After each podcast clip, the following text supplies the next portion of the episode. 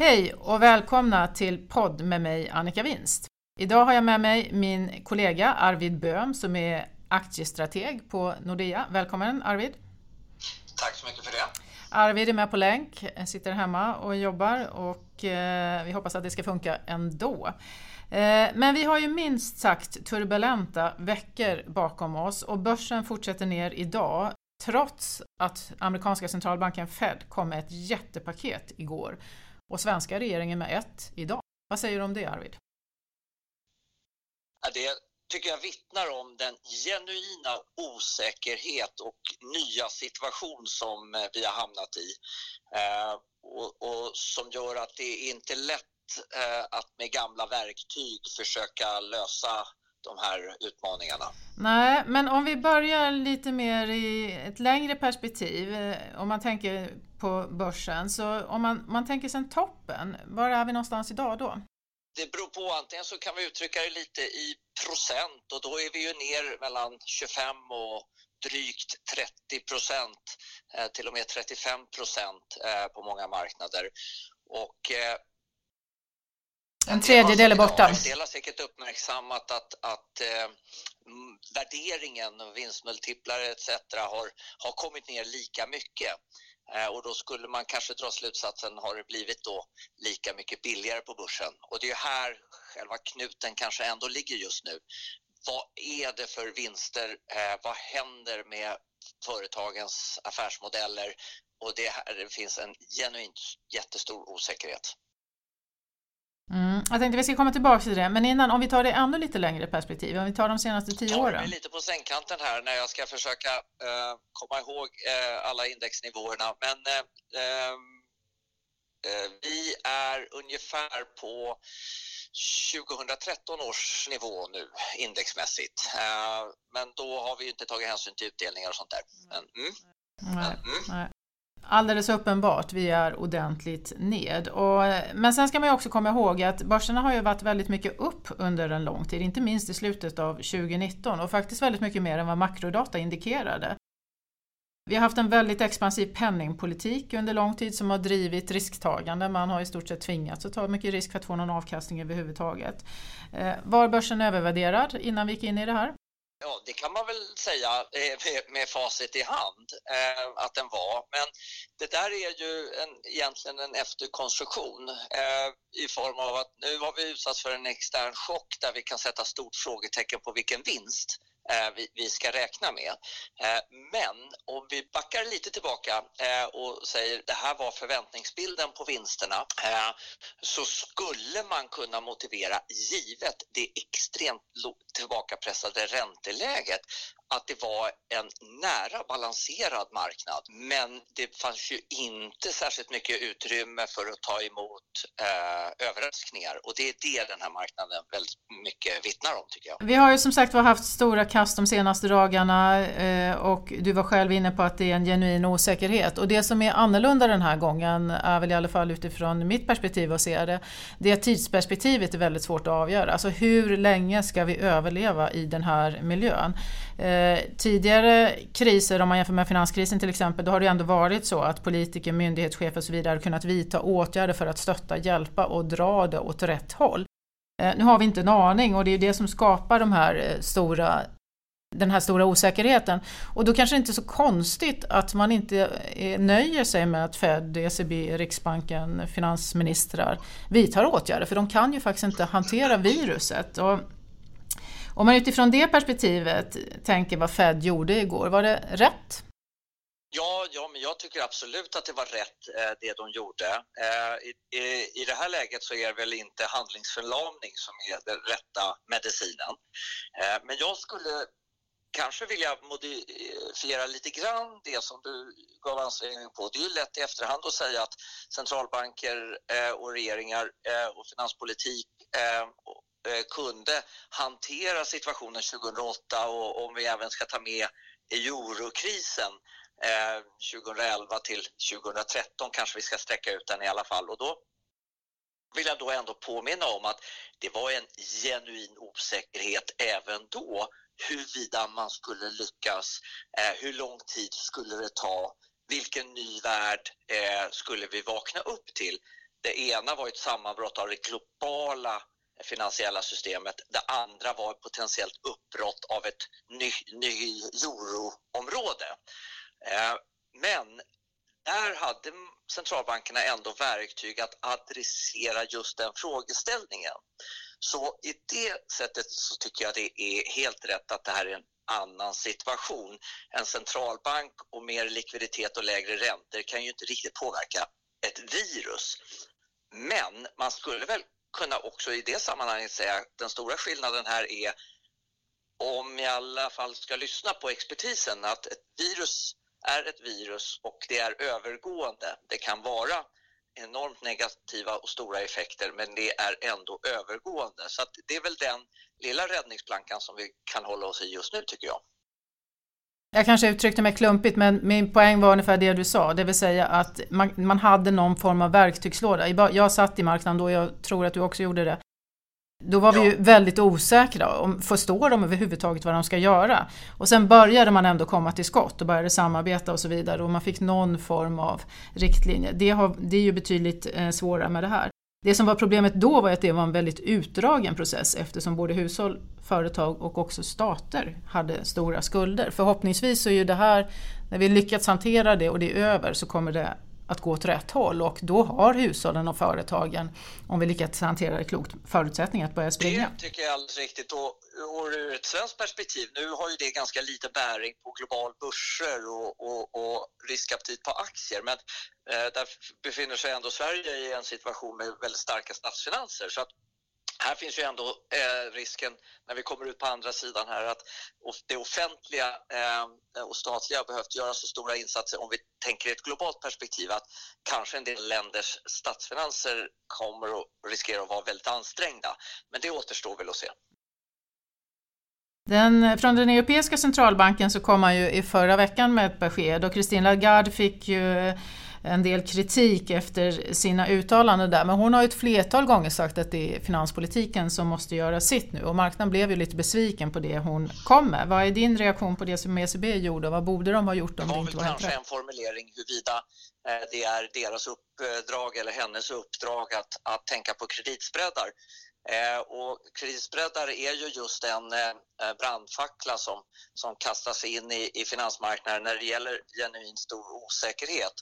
Och om man vill gjuta olja på vågorna så är det väl den delen som man ska adressera. Om man då säger att i princip att den faktorn har inte vi med att göra, eh, då blir det en genuin osäkerhet eh, som var onödigt tyckte jag att ta in i marknaden. Mm. Det andra eh, tycker jag att det, jag tycker att det finns en rimlig avvägning att inte kanske jobba med räntan i det här läget och sänka den jag tror att det skulle ha väldigt liten effekt från ett ECB-perspektiv. Men när marknaden till 100% hade diskonterat 20 punkters nedjustering av räntan, då tycker jag att det kan vara ett sånt här läge bra att leverera den. Det spelar inte så stor roll, men man tar i alla fall inte med ytterligare osäkerhet in i marknaden och det tycker jag en centralbank alltid ska eftersträva. Jag håller med dig om att det var olyckligt uttalande och det har de väl in, hon och andra på ECB insett. Däremot så tycker jag nog att det de gjorde var ju ändå ett klokt beslut utifrån den situation vi är. Man försöker stötta företag och hushåll så att de ska överleva i den här situationen som man har hamnat i väldigt abrupt. Eh, men man har ju också gjort gemensamma aktioner. Nu gick ju Fed ut och andra centralbanker är med på det här. Är det klokt? Det tycker jag. Eh, det finns eh, så att säga ganska lite eh, risk i att vara rädd att man gör för mycket i, så, i en sån här situation. Både du och jag och de flesta med oss tror jag kan ifrågasätta vilken real effekt kan de få.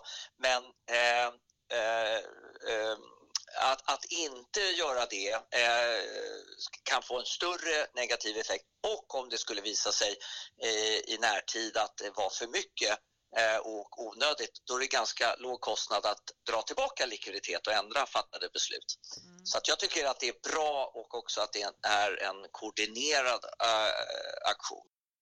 Får vi se mer av det? Det kan jag förvänta mig.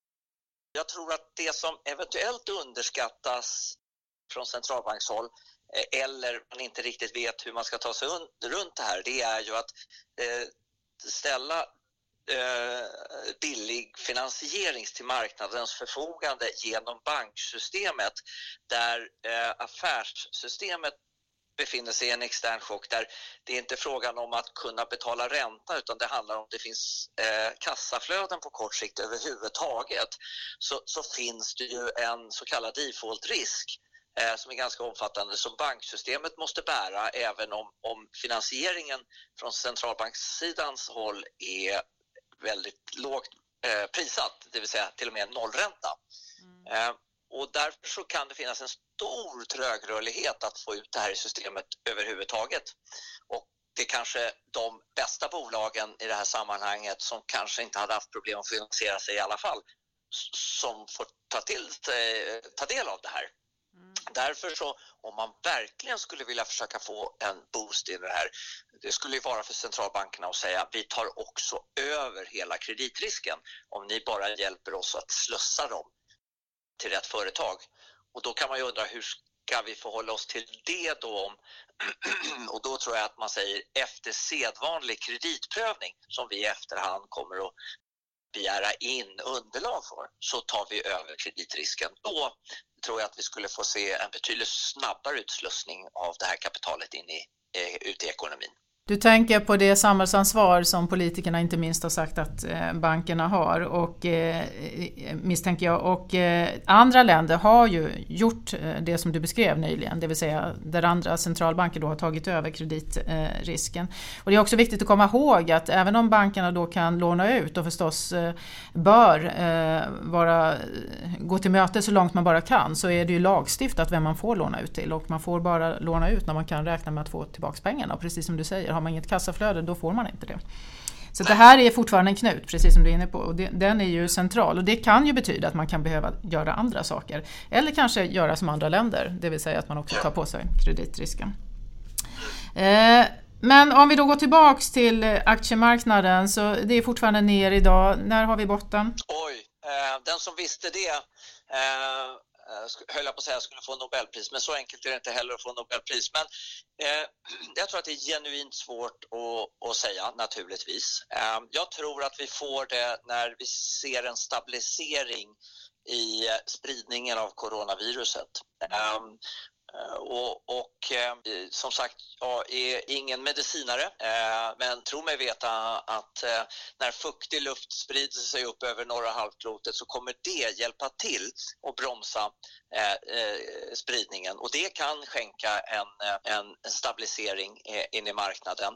Jag tror dessvärre inte att osäkerheten och därmed volatiliteten i marknaden liksom passerar eller försvinner ut utan jag tror att det är tyvärr någonting som vi säkert får räkna med under större delen av det här året. Eh, vi pratade lite grann om det, vi gjorde ett webbinar nyligen eh, som ni gärna eh, får gå in och kolla på i efterhand. Ja, och där vi pratar lite grann om de här olika scenarierna och där risken är ju uppenbar att första halvåret är en disaster för många länder. Rakt ner i källan med risk för eh, recession. Eh, medan däremot andra halvåret, det går ju inte att utesluta att vi faktiskt får någon form av stabilitet i spridningen till sommaren och att vi då kanske kan se någon form av återhämtning eh, eh under hösten. Och det är väl lite samma resonemang som du är inne på. Men vi har pratat en del om centralbankerna men vi har också Finansinspektionen som i, ute i förra veckan och lättade på de kontracykliska buffertarna i bankerna. Vad är det och vad betyder det? Behövs det mer från dem? Eh, nej, men det där är också, tycker jag, en, en riktig politik och det handlar ju om i, i, stort sett hur mycket eh, av säkerhetskapital för varje utlånad krona som bankerna måste ha på sin balansräkning. Men jag tror att det igen kan vara viktigt att påpeka, man måste fortfarande göra en affärsmässig bedömning för varje utlånad krona. Eh, så att det, jag, jag, vet inte hur stor effekt det här får eh, på kort sikt, men, men naturligtvis i, i en liten positiv riktning. Man tänker att även bostadsmarknaden skulle kunna komma att påverkas om vi får ett riktigt dåligt scenario, framförallt om det här drar ut på tiden. Eh, tror du att eh, Finansinspektionen kommer att rucka på de åtgärder man nu gjort på bostadsmarknaden? Eh, jag tror att du är bättre att svara faktiskt på det eh, än vad jag är. Men om du frågar mig om jag tror att bostadsmarknaden i Sverige och prisbilden på bostäder eh, är satt, eh, riskerar att bli satt i gungning eh, så tror jag eh, det är alldeles uppenbart. Egentligen är väl mer ute efter byggbolagen och fastighetsbolagen som du sitter och tittar på. Vad, vad är det för miljö de befinner sig i? Vad behöver de? Ja, framförallt så behöver de ju säkra eh, fortsatt eh, finansiering. Eh, och det tror jag att alla delar i ekonomin är väldigt eh, eh, medvetna om. Eh, det sämsta scenariet om man vill måla ett nattsvart scenario är ju att finansieringen eh, för den delen av ekonomin kraftigt ifrågasätts. Då kommer vi att få ett jättestort problem. Men så länge vi tror att eh, eh, det här är en temporär chock eh, så tror jag att många kommer att vilja vara med och stötta och överbrygga den delen. Men, men det finns, eh, och det var min bedömning för, för marknaden som sådant och sektorn som sådant. Men även om vi eh, tror att det är temporär eh, effekt av det här så går det ju faktiskt att tänka sig av, av mer bestående eller det som vi brukar kalla för strukturella eh, förändringar i kölvattnet på den här Eh, eh, chocken i marknaden. Och då tänker jag väldigt mycket på hur eh, eh, vi som, som hushåll och, och, företag tänker kring stora seminarier, eh, hur vi tänker på hur vi handlar eh, och hur vi Eh, spenderar vår fritid. Och, och, det går ju naturligtvis att tänka att det kommer med en mer strukturell förändring här där, där det beteendemönstret ändras och det kan ju också därmed ändra efterfrågan på både affärslokaler och, och andra typer av eh, fastigheter. Mm. Nu är vi inne lite grann på olika branscher. Hur ser du det? Kan du ge någon form av riktlinje? Vilka branscher har det tuffast och vilka är bäst situation i dagsläget? Ja, jag, jag, tycker aktiemarknaden har varit väldigt duktig på att ändå plocka upp det här och, och det, det är naturligtvis eh, eh, eh, retailrörelsen eller detaljhandeln som har ett jättestort problem. Hela servicedelen har ett jättestort problem. Eh, hela eh, recreation-delen i form av hotellverksamhet, reseverksamhet har enorma utmaningar där man har gått i stort sett från, från 80-90 procents kapacitetsutnyttjande ner till nära noll eh, i dagsläget. Eh, nu har vi inte så mycket av restauranger eh, och sånt på, på börsen men eh, jag tror mig veta att även där har det varit ett, eh, är det ett dramatiskt omslag. Och för att inte tänka på eh, Flygbolagen känner vi väl till eh, hur svårt de har och när SAS eh, varslar 90 procent eh, så förstår man att då kan det inte vara särskilt hög aktivitet eller bokningsnivå där heller. Och det blir ju ett, som ett direkt slag på att man stänger gränser eh, och begränsar den möjligheten. Mm, nu var du bara inne på det som var mörkt och svart. Finns det några ljuspunkter? Den största ljuspunkten är ändå att påminna sig själv om att världen går nog inte under den här gången heller. Eh, och att det är till stora delar en självpåtagen begränsning av efterfrågan runt om i världen just nu i målet av, väl så gott, att bromsa eh, effekterna eh, av en virusutbredning. Det vill säga, när den stabiliseras och man backar tillbaka på det här så har vi ju inte eh, eh, några egentligen begränsningar av att inte den efterfrågan kommer tillbaka och återinställs. Det, det, är den ena delen. Den andra delen är ju naturligtvis eh, de mer stabila defensiva delarna från eh, hälsovårdsindustrin. De har också eh, eh, klarat de här börsfallen betydligt bättre. Och jag tror att behovet i de uppbromsade värdekedjorna runt om i världen i allt från, från eh, råvaruindustrin hela vägen upp i den finförädlade verkstadsindustrin eh, så är, börjar det bli ganska tomt på många lagerhyllor och det behövs fyllas på ganska mycket. Så när eh, järngreppet om marknaderna släpper så kommer det ju finnas ett väldigt stort behov att fylla på på många håll runt om. Mm. Vi ser ju att eh, Kina tycks produktionen ha kommit tillbaks. Det är de signalerna vi får från svenska bolag som är där men det är också det som man tycks se lite grann i siffror. Eh, tror du att det blir beständigt eller får vi liksom ett slag till? Mm, den den är, är ju också svår. Jag, beständig i den formen att får vi ett nytt virusutbrott eh, så tror jag att eh, agerandet kommer att bli eh, lika kraftfullt men ännu snabbare. Mm. Men för mig att sitta och spekulera det, det är utanför min kunskap. Man brukar också prata mycket om frakten och det är alltid ont om containrar så här som jag förstår det rätt och det är ju någonstans mellan tre och sex veckor som det tar att skicka saker fram och tillbaks mellan olika delar av världen. Eh, vi har hört att annan transporter också är problematiskt i det här läget. Eh, hur ser det ut för bolagen? Än så länge så eh, eh, är det väl ingen som riktigt har flackat för att, att eh, det är stora störningar. Men jag tror att det är störningar som, som kommer att vara med oss ett tag och, och, och skälet är just att hela eh, transportnäringen jobbar ju i, i två, del, eh, två vägar och har du inte befraktning åt ena hållet så kommer du inte heller kunna erbjuda befraktning åt andra hållet.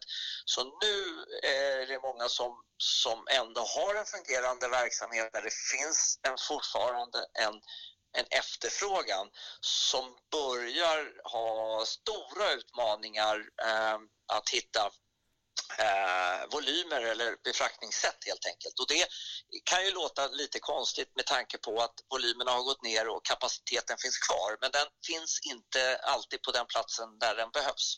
Nej.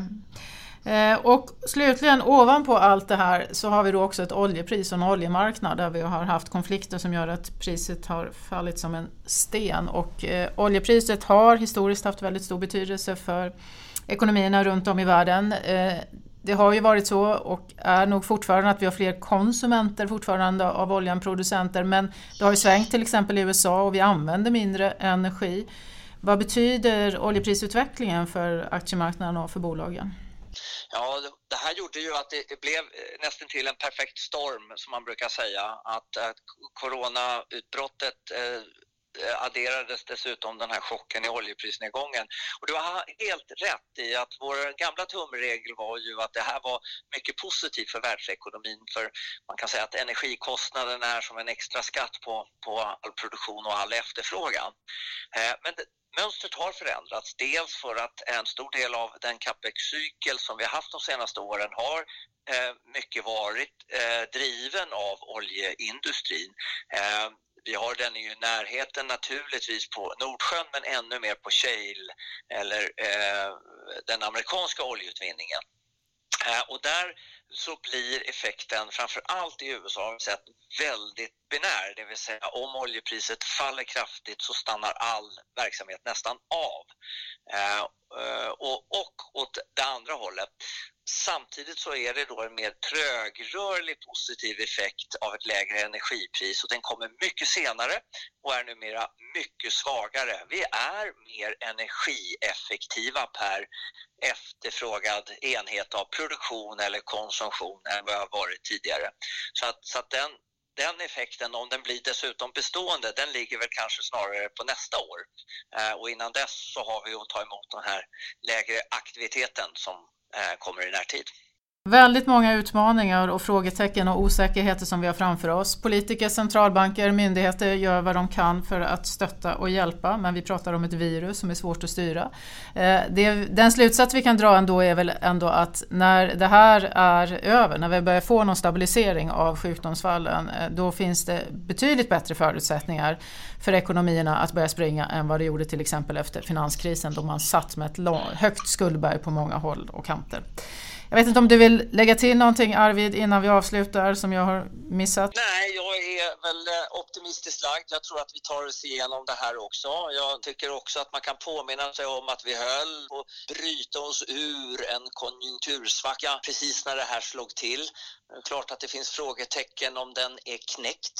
Eh, ett kortare avbrott så bör den inte behöva vara det. Eh, och får vi dessutom alla adderande stimulanser uppe på det så kan det ju bli ganska rejäl återhämtning. Men på kort sikt så är fortfarande osäkerheten stor naturligtvis. Stort tack Arvid för att du var med och stort tack ni som har lyssnat. Jag misstänker att vi behöver komma tillbaks med fler poddar i det här ämnet eh, och håll utkik för dem. Tack och på återhörande.